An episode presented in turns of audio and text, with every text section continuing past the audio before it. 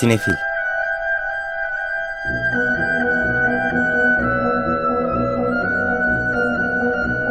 Hazırlayan ve sunanlar Melis Behlil ve Yeşim Burul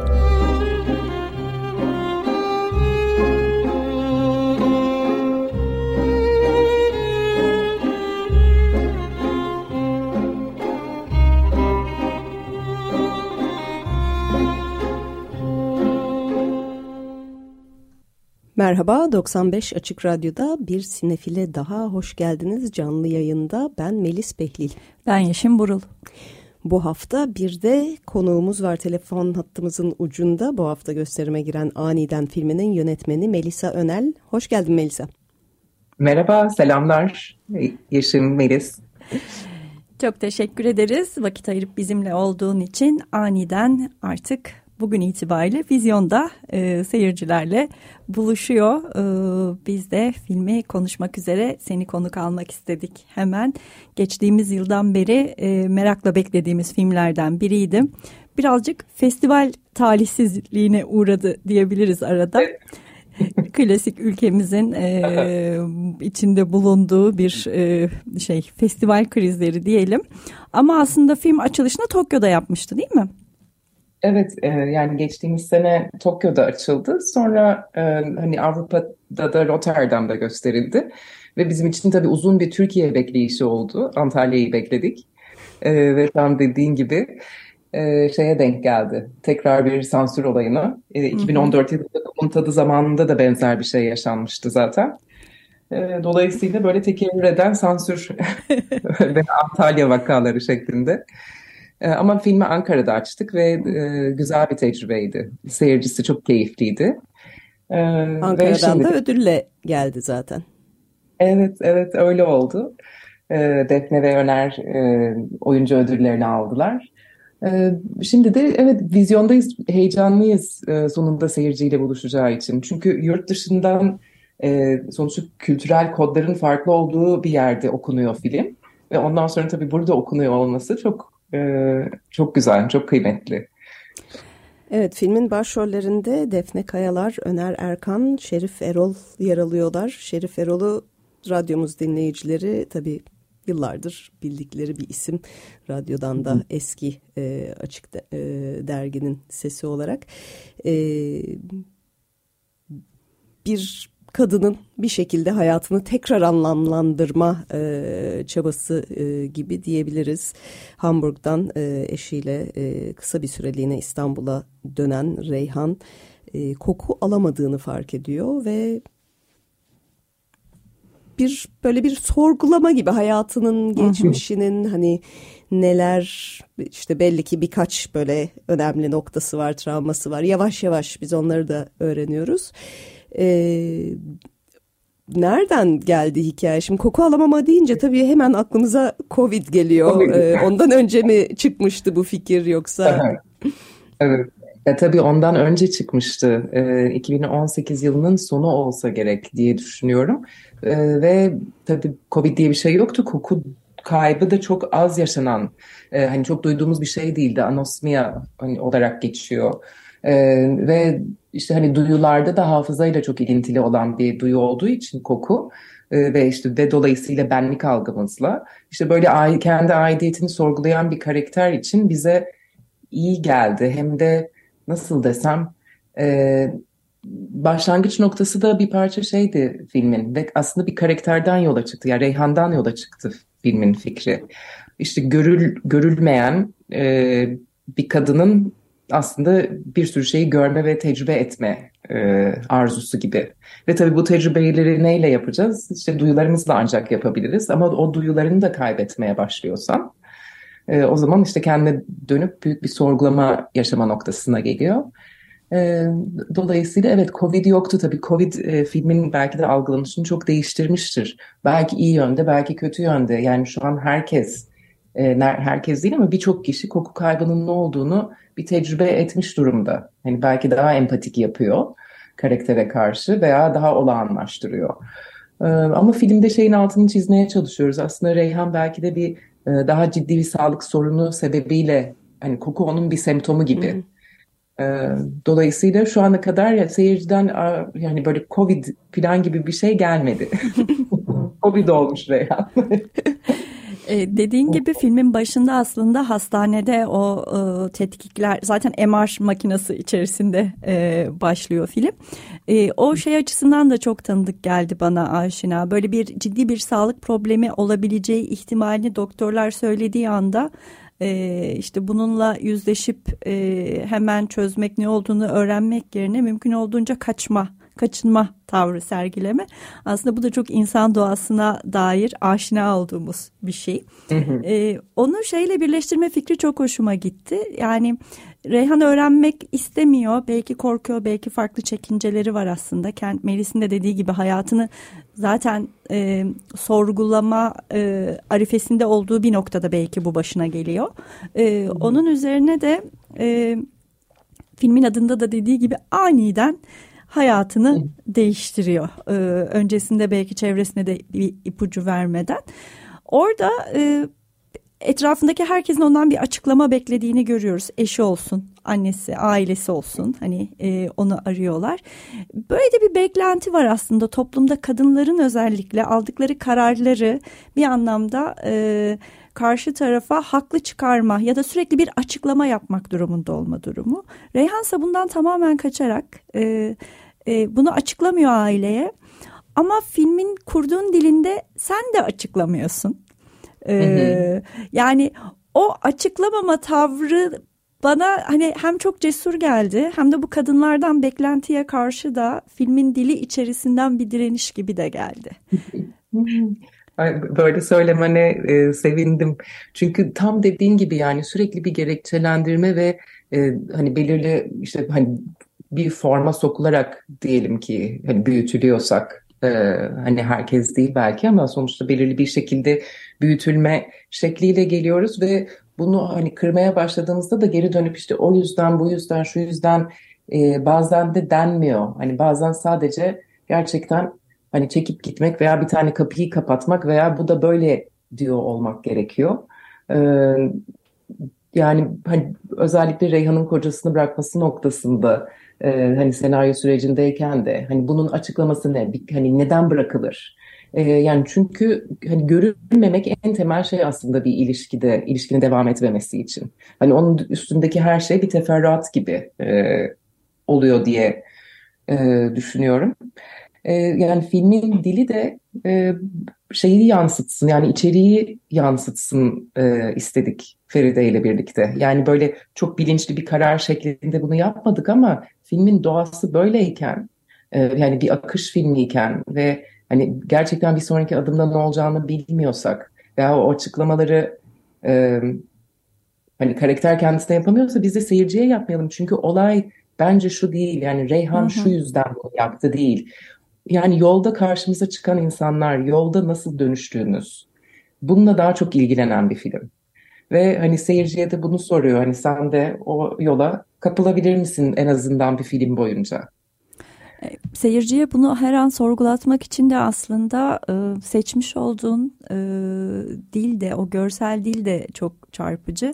Kamera sürekli Reyhan'ı takip ediyor ve karşıdan görüyoruz. E, Reyhan rolünde Defne Kayalar çok başarılı zaten. Çok etkileyici bir performans sunuyor.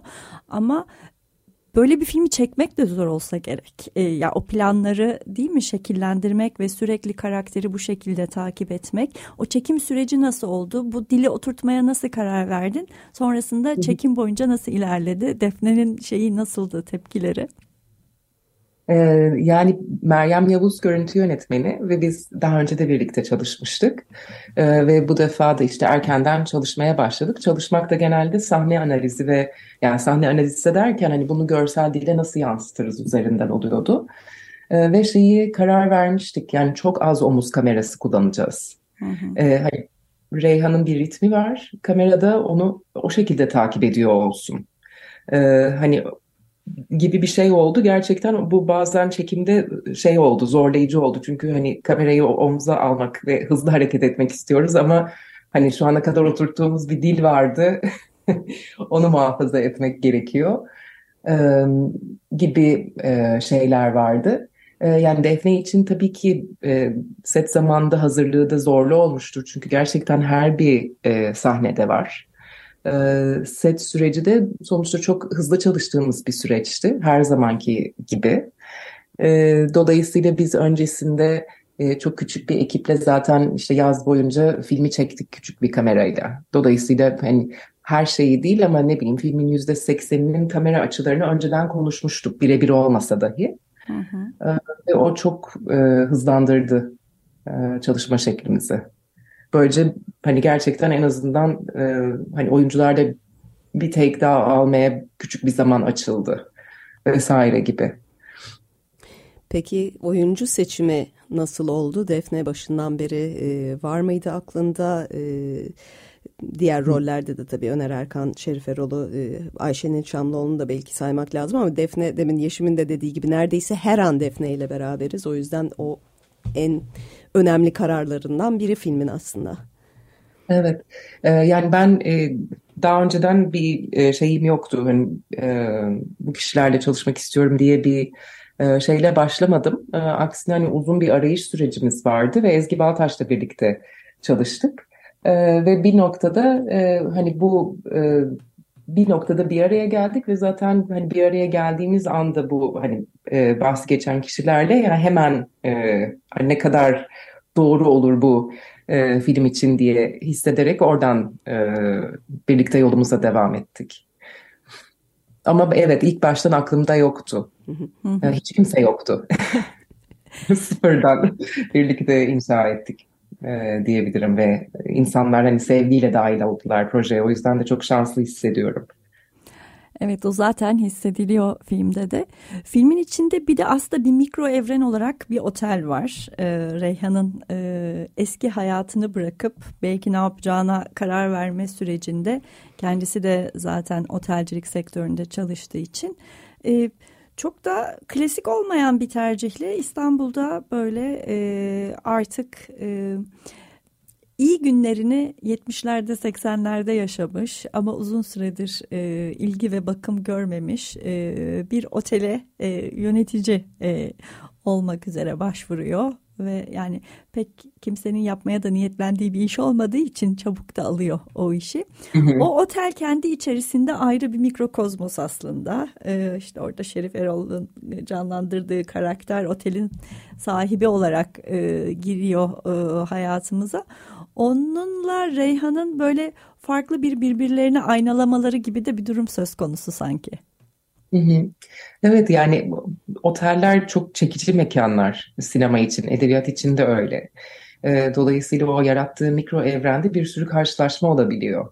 Ve hani bunları planlamanıza da gerek yok çünkü doğası gereği karşılaşma yeri oteller.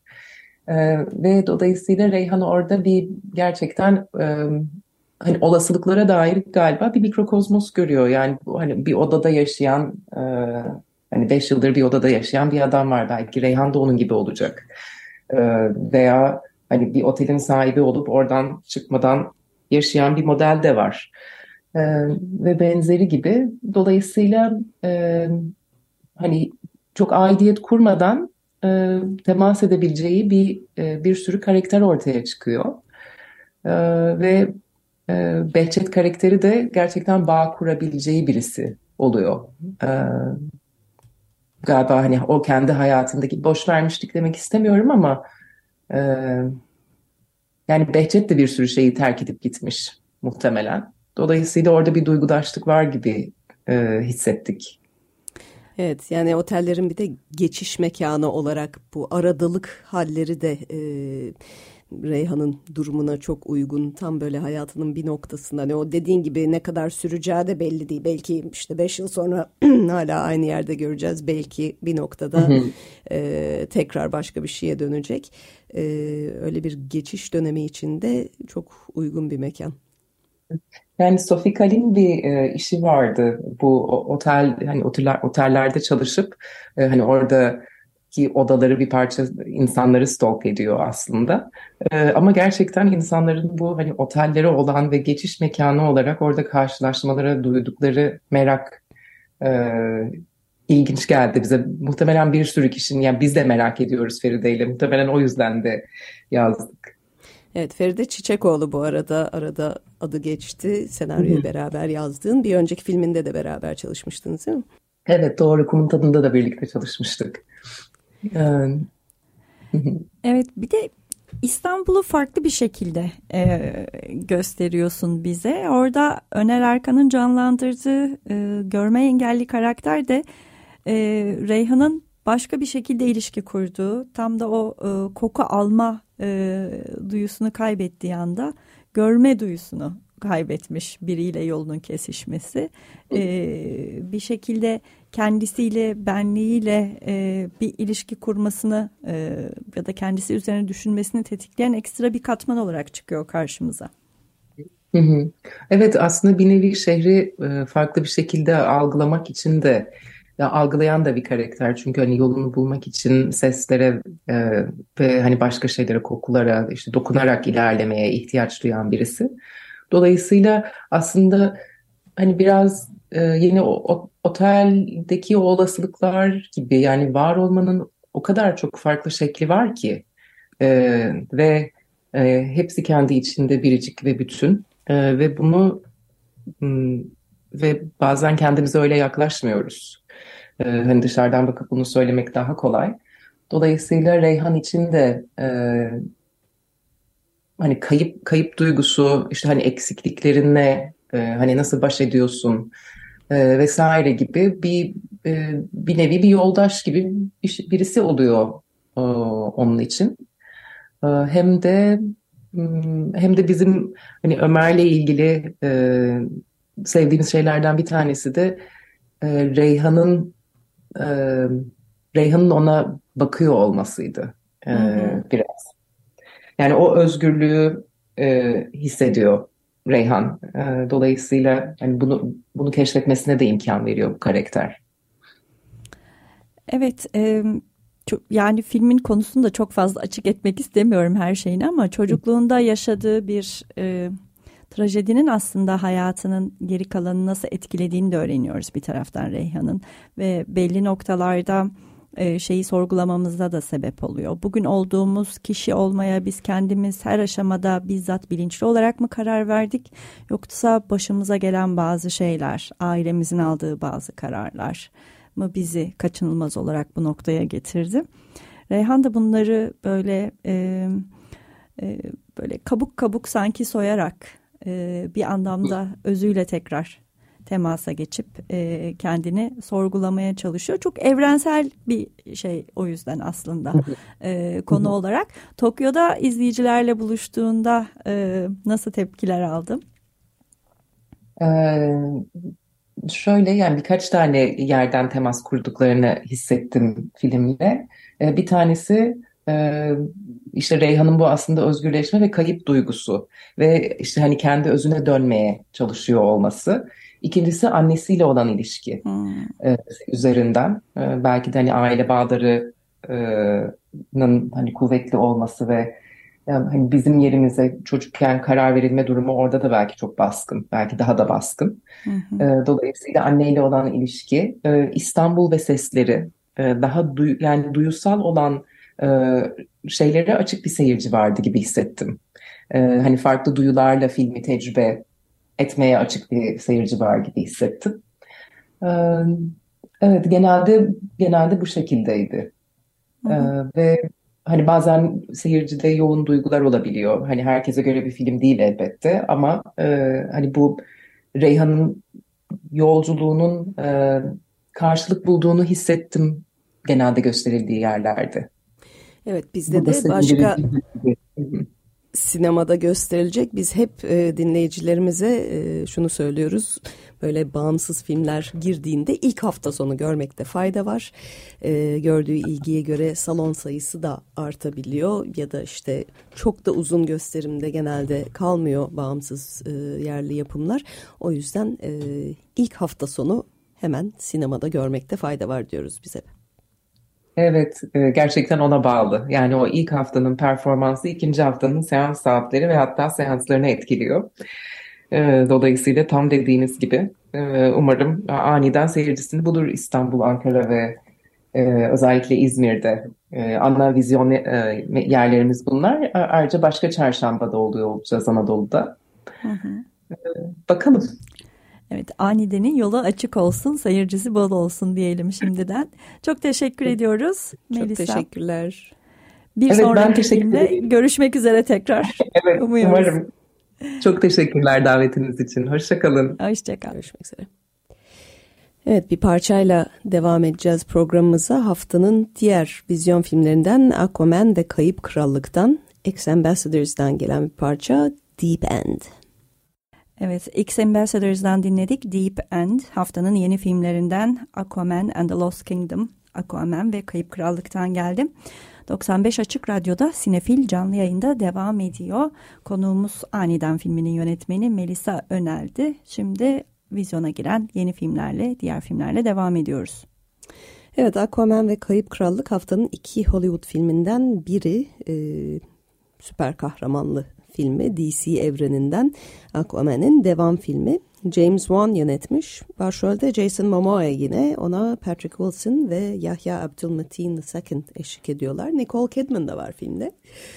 Ee, yani ilk filmden devam ediyor. Ben çok DC'ci değilim. Çok da hakim değilim ama... E, Yine de DC'nin en eğlenceli serisi evet, diyebilir miyiz? Evet Aquaman. Özellikle o Jason Momoa'nın şeyiyle e, kendiyle de bir dalga geçer hali var her zaman.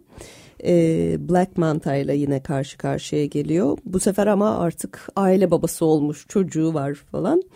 E, ve bir şekilde tabii yine... E, dünyayı kurtarmak gibi görevler. Zaten bütün okyanusyaları kurtarmak e, ve de sahip çıkmak görevi Aquaman'in.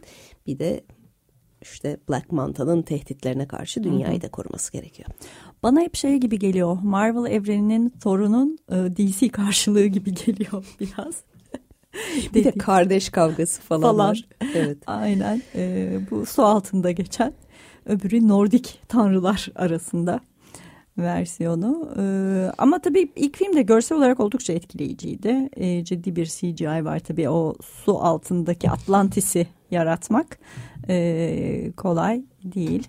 E, bu haftanın süper kahraman e, filmi e, Aquaman'in yenisi. Haftanın diğer iddialı Hollywood yapımı ise Ferrari. Michael Mann'in e, 8 sene sonraki ilk filmi ki e, o film de çok duyulmamıştı. Yani epeydir Michael Mann'den gelen e, en iddialı yapım diyebiliriz. E, başrollerde Adam Driver, Penelope Cruz ve Shailene Woodley yer alıyorlar. Adı üstünde Enzo Ferrari'nin ve Ferrari e, işte efsanesi diyelim artık bir araba olmanın ötesinde e, bir şey. Ben arabalardan çok anlamasam da o kadarını anlıyorum. Bir de kırmızı oluyorlar genelde. E, Ferrari 1950'lerde e, şirketi kaybetme noktasına geliyor neredeyse. E, iflasın eşiğinde buluyor kendini ve e, bir yandan evlilikte sorunları var, bir yandan evlilik dışı bir ilişkisi ve oradan bir çocuğu var ve bir yandan da şirketi e, kurtarmak için e, İtalya genelinde yapılan çok büyük ve e, bir hayli de riskli e, bir e, yarışa ümidini bağlıyor Mille Miglia. Ee, özellikle o döneme odaklanıyor film. Venedik'te premierini yaptı. New York Film Festivali'nin de kapanış filmiydi bu sene. Evet, e, yani tabii Michael Mann'ın çok çok iyi filmleri var e, dönüp dönüp izlediğimiz. Bir süredir e, pek iyi değildi performansı. E, dolayısıyla hani Ferrari bir nebze eski günlerine e, daha yakın bir yerde duruyor gibi. Adam Driver da burada bayağı yaşlandırılmış. Yani çünkü Enzo Ferrari'nin bayağı geç bir dönemini anlatıyor. O da ilginç bir tercih geldi bana.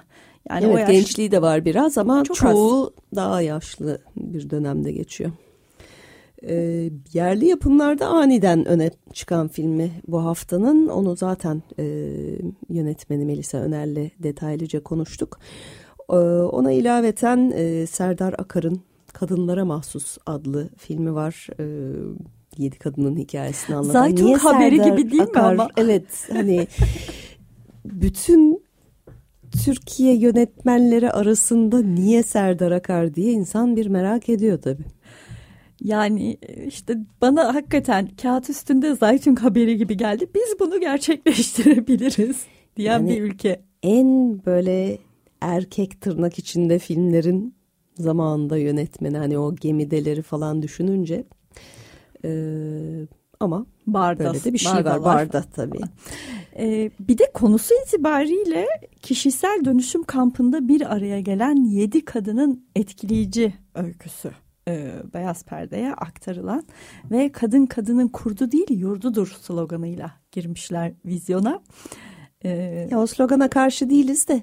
Peki. Serdar Akar yani bu, bu cümleyi kuracak kişi Serdar Akar mı olmalı? Hani bunu tekrar bir düşünmekte fayda olabilir. Evet iki komedi var Cenazemize Hoş Geldiniz ve Sağ Salim 3 Ölü ya da Diri. Bir cin filmimiz var Dejar Cin Vahşeti. Bir Fransa'dan animasyonumuz var devam filmi Orman Çetesi Dünya Turu.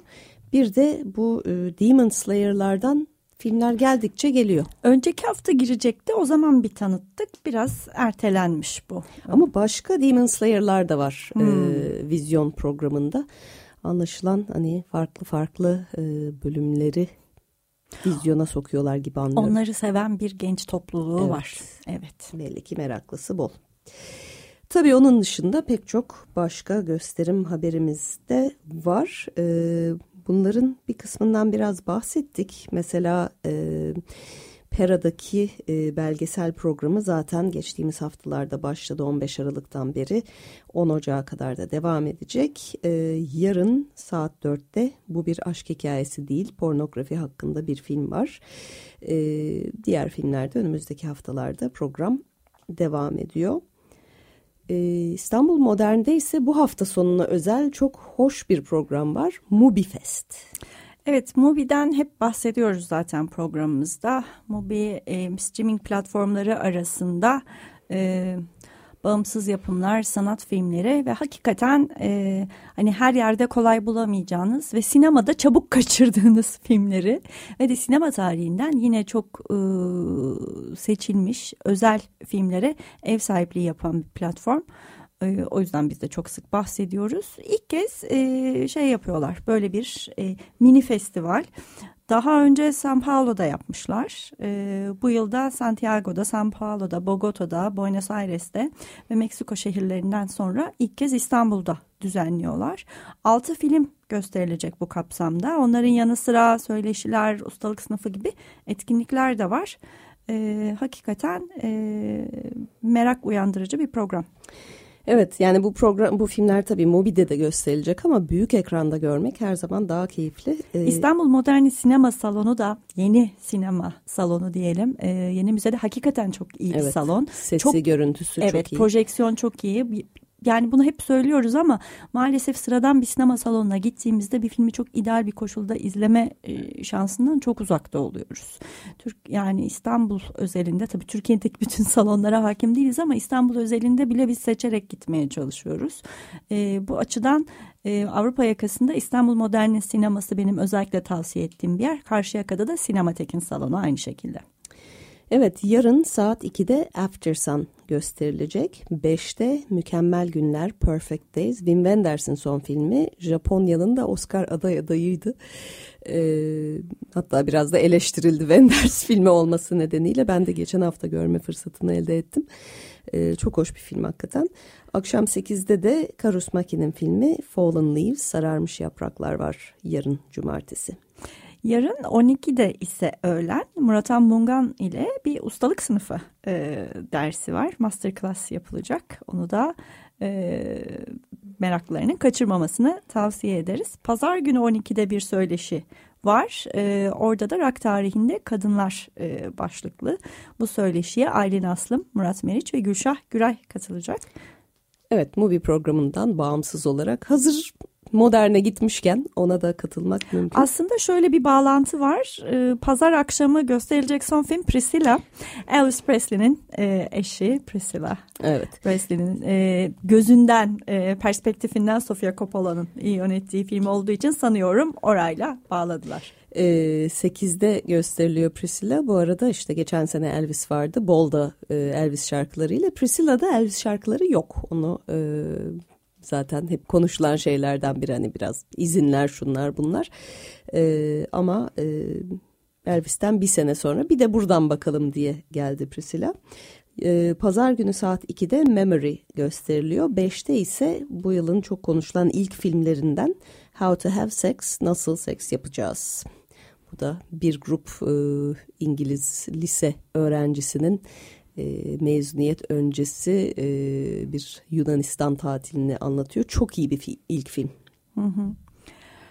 Ee, evet, e, Mubi Fest hakikaten her biri birbirinden ilgi çekici senenin beklenen filmlerinden oluşuyor bu gösterim programı. Karşı yakada Anadolu yakasında ise e, sinematek gösterimlerine bir bakalım. Ama ona geçmeden önce aslında yarın saat 15.45'te bir e, panel var. Onu özellikle e, önden e, bahsetmek istiyoruz. Erden Kral retrospektifi gösteriliyor bir süredir zaten sinematekte. Filmlerin e, izleme şansımız vardı. Sinema Yaşamak iki nokta üst üste Erden Kral başlıklı bir panel bu da. Katılımcıları sinema yazarları Evrim Kaya e, ve Fırat Yücel aynı zamanda yönetmen e, ve yönetmen Hüseyin Karabey. Evet söyleşinin başında Hüseyin Karabey'in yönettiği Erden Kral kısa belgeseli de gösterilecek. Katılım ücretsiz yarın 15.45'te Sinematek'te. Yarın e, o söyleşiden önce de Vicdan var zaten saat 2'de e, Sinematek'te Erden Kral filmi. E, bir yandan Godard gösterimleri devam ediyor. Yarın akşam 6.30'da erkek, dişi, maskülen, feminin. E, Pazar günü saat 2'de Suna filmi gösterilecek. Çiğdem Sezgin'in bu pazar günleri e, yönetmen katılımıyla gerçekleşiyor Sinematek'te. Pazar akşamı 6.30'da bence en güzel Brian De Palma filmlerinden biri Blowout gösteriliyor. Patlama e, olarak bize çevrilen. Salı akşam Godard programı devam ediyor. Saat 8'de Serseri Aşıklar. Çarşamba akşamı 8'de Erden Kral'dan Ayna. Perşembe akşamı ise Sessiz programında Pierre Loti derlemesi Pierre Loti'nin Fantastik Evreni olacak. Evet, gösterim haberlerini verdikten sonra bir de gösterilememe haberimiz var aslında. Ondan bahsetmek istiyoruz. Ee, geçtiğimiz hafta içerisinde Boğaziçi Üniversitesi Sinema Kulübü e, öğrencilerinin organize ettiği bir film gösterimi son anda rektörlük tarafından iptal edilmiş. E, gösterimi yasaklanan, sansürlenen bu filmde Can Candan'ın yönettiği Benim Çocuğum belgeseli. Ki belgesel döneminde e, Can'la burada radyoda bir sohbet etme imkanımız da olmuştu film üzerine. E, film yapıldığı günden bu yana, 2013'ten bu yana e, dünyada pek çok festivale katıldı, pek çok yerde gösterildi. Kültür Bakanlığı eser e, gösterim belgeli bir film zaten. E, dediğimiz gibi çok sayıda gösterimli, çok sayıda e, seyirciye ulaşmış bir film. Böyle bir filmin gösterimini Boğaziçi Üniversitesi Rektörlüğü niye, ne mantıkla e, yasaklıyor, sansürlüyor? E, biraz biliyoruz aslında neden yaptıklarını ama yine de altını çizmek gerekiyor. Yani bunu yapmanın saçmalığı yani kanuni olarak her yerde gösterilebilen bir filmi e, yasaklamak artık sansürün ne kadar şuursuz bir noktaya geldiğini de göstergesi galiba. Evet yani e, başka bir şekilde e, başka üniversitelerde e, alternatif gösterimler düzenlemeyi planlıyorlar. E, ama tabii Boğaziçi'nde hem e, daha makro e, hesaplar var belli ki bu filmin özellikle gösterilmemesine dair. Bir de daha kişisel e, filmin yönetmeninin Boğaziçi'ndeki eski hocalardan biri olması ve e, yaz... aslında hukuki olarak hala Boğaziçi evet yani gayri hukuki bir şekilde sürekli işten çıkarılıp dava açıp her seferinde kazanıp tekrar geliyor ve tekrar e, çıkarıyorlar. Onun da etkisi e, muhtemelen var. Can Candan'ın bu hukuk mücadelesi de sürüyor. Listak Derneği de bir açıklama yapmış bu konuyla alakalı. Ee, onlar da çocukları LGBT'ye artı e, olan e, ebeveynlerin oluşturdukları bir dernek ve benim çocuğum belgeselinde zaten e, bu ailelerin perspektifinden e, onların o ailelerle beraber yapılmış olan bir belgesel zaten. Hem onlar hakkında hem onların işbirliğiyle yapılmış bir belgesel. Dolayısıyla onlar için bu belgeselin gösterilmesi ve her yıl daha çok sayıda insana ulaşması da çok önemli bir sosyal sorumluluk çalışması bir taraftan. Onlar için çok hayati öneme sahip bir şey. E, bütün bunları e, göz önünde bulundurarak bu sansür durumuna tekrar dikkat çekmek ve belki de eğer varsa imkanlarınız olabilecek e, sivil toplum ya da diğer kuruluşlar üzerinden benim çocuğum gösterimleri yapmak, planlamak ne güzel olur diyoruz. Evet bunu demişken bir de müzik arası verelim şimdi. Ee, modernde gösterilecek filmlerden Perfect Days'den geliyor Wenders'in filminde. Ee, Nina Simone'un klasiği Feeling Good. Nina Simone'dan dinledik Feeling Good. Ee, Perfect Days filminde kullanılan şarkılardan biriydi. Bu da Wim Wenders'in son filmi. Hafta sonu Mobifest kapsamında İstanbul Modern'de gösterilecek. Evet 95 Açık Radyo'da Sinefil programı canlı yayında artık son bölümümüze doğru giriyoruz ama hala haberlerimiz var. Ee, benim Hindistan'dan haberlerim var. Evet Melis geçen hafta aramızda değildi. Çünkü hep konuştuğumuz gibi Kerala'daydı.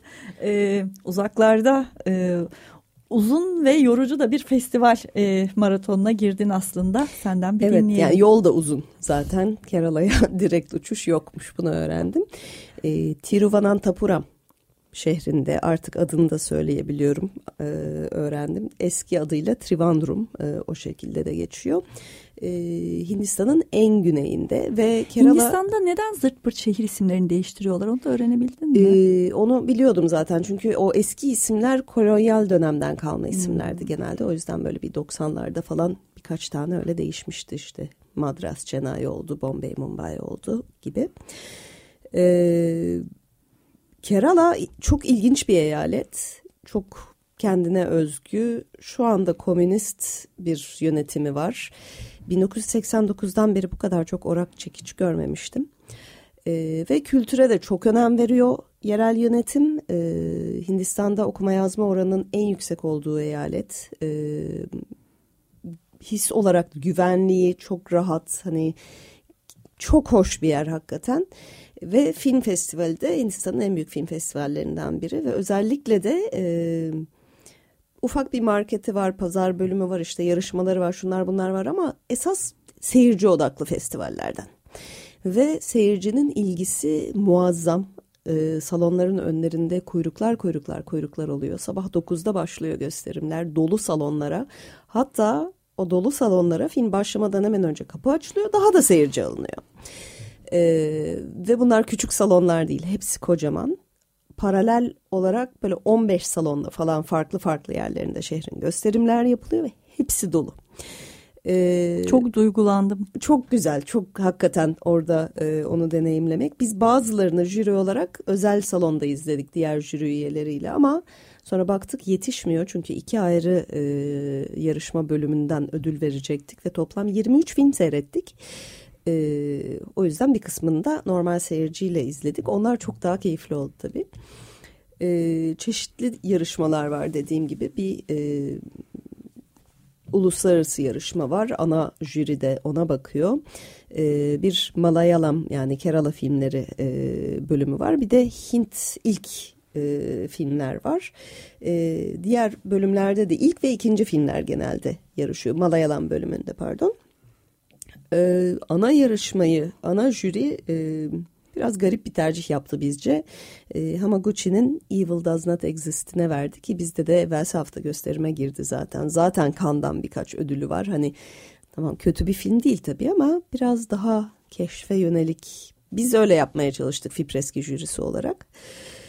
Ee, onun dışında öne çıkan e, filmler arasında bir Özbek filmi vardı. Sunday, Pazar adında. Biraz repetitif olmakla beraber e, çok hoş çekilmiş bir ilk film. E, en iyi yönetmen ödülünü o aldı. E, Netpack jürisi Asya filmlerine e, ödül veren jüri de en iyi filmi ona verdi. Biz e, o yarışmada e, e, Prison in the Andes, Ant Ant Dağları'nda mapushane diye çevirebileceğim bir e, filme verdik. Şili filmi. Böyle biraz hafif e, fantastik tarafları da olan işte Pinochet'in e, generallerinin e, kaldığı tırnak içinde hapis e, villa yüzme havuzlu falan her istedikleri getiriliyor içeri. Arada işte hafta sonu gidip torunlarıyla geçiriyorlar falan ve bir noktada e, filmin başında biri bir e, mülakat işte bir e, röportaj veriyor bir e, televizyona ve hiçbir pişmanlık yok. Biz o zaman gerekeni yaptık dediği için bir anda dönüp insanlar bir dakika bu adamlar orada nasıl yaşıyorlar diye bakmaya başlıyorlar ve tabii transfer söz konusu oluyor. O dönemi işte e, yani kurmaca bir hikaye sonuçta temel gerçek fikirden yola çıkan. E, o arada bir yandan da işte gardiyanları var ama gardiyanlar daha çok onların hizmetçileri gibi onlarla da ilişkileri falan çok değişik hoş bir ilk filmdi. Çok fazla da gösterilmemişti başka festivallerde çok ödülleri yoktu biraz o yüzden de tercih ettik. E, uluslararası seçki hakikaten güzel bir seçkiydi. Netpack'in e, verdiği ödülü de çok beğendim. Ben mesela İran'dan Aşil diye bir film vardı onu çok beğendim. Meksika'dan Tabu, e, Totem vardı. Totem çok çok güzel bir film. Biz de e, Ankara'da Uçan Süpürge Film Festivali'nde izlemiştik. Yönetmeni de katılmıştı. Hakikaten çok hoş bir film. E, yani hakikaten çok iyi bir seçkiydi. E, şeyin de aradan Özbek filminin sıyrılması da e, ayrıca mutluluk verici. Hani böyle çok da bilmediğimiz bir coğrafyadan böyle sağlam bir ilk filmin gelmiş olması da e, çok hoş bir şey oldu bizim için. Ee, bir de jüri ödülü alan bir e, Meksika filmi vardı. Böyle yavaş yavaş sağır olmaya başlayan, duyur yetisini e, yitiren bir e, genç kadını anlatıyordu. O jüri özel ödülünü aldı ses tasarımı. ama tabii Sound of Metal ve Koda'dan iki sene sonra geldiği için biraz böyle bir şey tekrar hissi vermedi değil. E, Malayalam filmlerinde ise iki ilk film ödül aldı. Biri bizden Fipreski'den e, B32 to 44 bu e, sütyen boyutu olarak 32-44 ve işte e, meme sahibi olma olmama boyutlar olunca ne oluyor olmayınca ne oluyor işte e, her türlü farklı şeyinden yönünden e, böyle bir kesişen hikayeler filmiydi. Çok da e, hoştu. E, Net, Netback'in ödül verdiği de e, The Play oyun adında bir ilk filmdi. E, biz de zaten o ikisi arasında kalmıştık. O yüzden Netback jürisiyle Fipreski jürisi ödülleri bölüştü gibi oldu. E, iki ayrı filme de vermiş olduk böylelikle. E, bir kısmı tabii hani sırf bölgesel ve ilk filmler olunca bazıları biraz amatöre de kayıyordu. Ama en azından farklı şeyler deneyen genç sinemacılar vardı e, ve müthiş bir ağırlama, e, hep el üstünde tutulma, e, sinemalar arasında yürüyebileceğimize zar zor ikna ettik rehberimizi çünkü öyle bir e, hani her yere biz sizi götürürüz diye e, çok sağ olsunlar çok güzel gezdirdiler. E, evet çok keyifli oldu. Güzel çok yemekler diye tahmin yorulduk. ediyorum. Çok güzel yemekler yedik. E, Kerala'yı da herkese çok tavsiye ederim. Bu arada 30 dereceydi hava. Hani kışın ortasında gitmek için de çok hoş bir yer. Ee, kemiklerim ısındı. Tabii salonlar soğuk oluyor o ayrı. 23 film yetmedi bu arada. Ben bir de üstüne Wim Wenders'i seyrettim. Bir de üstüne The Zone of Interest'i seyrettim. Ee, onlar da gelecek hafta yıl sonu listemizi yaparken konuşacağımız filmler olacak ama. Evet yıl sonu listelerimize son anda girmeye devam eden filmler çünkü bunların bir kısmı henüz ülkemizde gösterilmedi. Evet, e, geçtiğimiz hafta içerisinde aynı zamanda e, Oscar adaylıklarının bir kısmı açıklandı. İlk olarak 10 kategorideki o short list denilen e, listeler açıklandı. Belki hemen şeyle başlayalım. Uluslararası film kategorisinde e, Türkiye yok. Beklediğimiz gibi diyebiliriz aslında. Evet, e, üç buçuk saatlik film. Yani başka da aslında ne gönderebilirdik ki diyorum. E, sonuçta Nuri Bilge Ceylan'ın filmi varken, Kanda da ödül almışken tabii ki onu gönderecektik ama olmamasına da çok şaşırmıyorum. Evet, e, sence e, yani şu anki filmlerden ilk beşe kalacakları nasıl görüyorsun uluslararası? The Zone of Interest mutlaka. Hatta en iyi filme de girebilir o. İngiltere'nin adayı, İngiltere'nin Britanya'nın adayı, adayı. olarak. Ee, Finlandiya Fallen Leaves olabilir. Ee, Almanya olabilir. Öğretmen odası. Öğretmenler Odası. Ee, İtalya olabilir. Ee, Io Capitano. Tunus'tan dört kız kardeş olabilir belki. Olabilir. Bir tane de alternatif oluyor ya böyle standart Evet. ülkeler dışında o da Tunus olabilir. Meksiko'dan totem girerse demin andık ben çok sevinirim. Keşke diyorum. Ee, Ukrayna'dan Maripol'da 20 gün olabilir mi? O anladığım kadarıyla şeyde de belgeselde de De e, aday. shortliste kaldı. İkisinden birinde mutlaka girer diye. Belgeselde daha muhtemel görüyorum ben onu. Ee, Fransa bu arada yani zaten Anatomy of a Fall'u da seçselerdi o da girerdi bu listeye. Ama The Taste of Things son beşe kalır mı benim şüphelerim var. Ee, vaktimiz çok azaldı. Dediğin gibi e, belgesel kategorisi de açıklandı ama bir taraftan da en iyi orijinal şarkı ve müzik kategorileri de açıklandı. Biz de kapanışı oradan ilk Oscar tahminimizi yaparak çalmak istiyoruz aslında. Evet bu senenin en çok konuşulan filmlerinden Barbie'den e, filmin en merkezindeki şarkı diyelim. Dua Lipa'dan Dance the Night ile bitireceğiz programımızı. Yani diğer şarkıları da çalarız size daha sonra. Dediğimiz gibi bu sene öne çıkan şarkılar bunlar ama bizim tahminimiz e, Dance the Night'in alacağı yönünde Barbie'den. E, bir sinefilin daha sonuna geldik böylece. Teknik masadaki arkadaşımız Berke'ye ve program destekçimiz Arif Badur'a da çok teşekkür ediyoruz. Herkese iyi seyirler. İyi hafta sonları.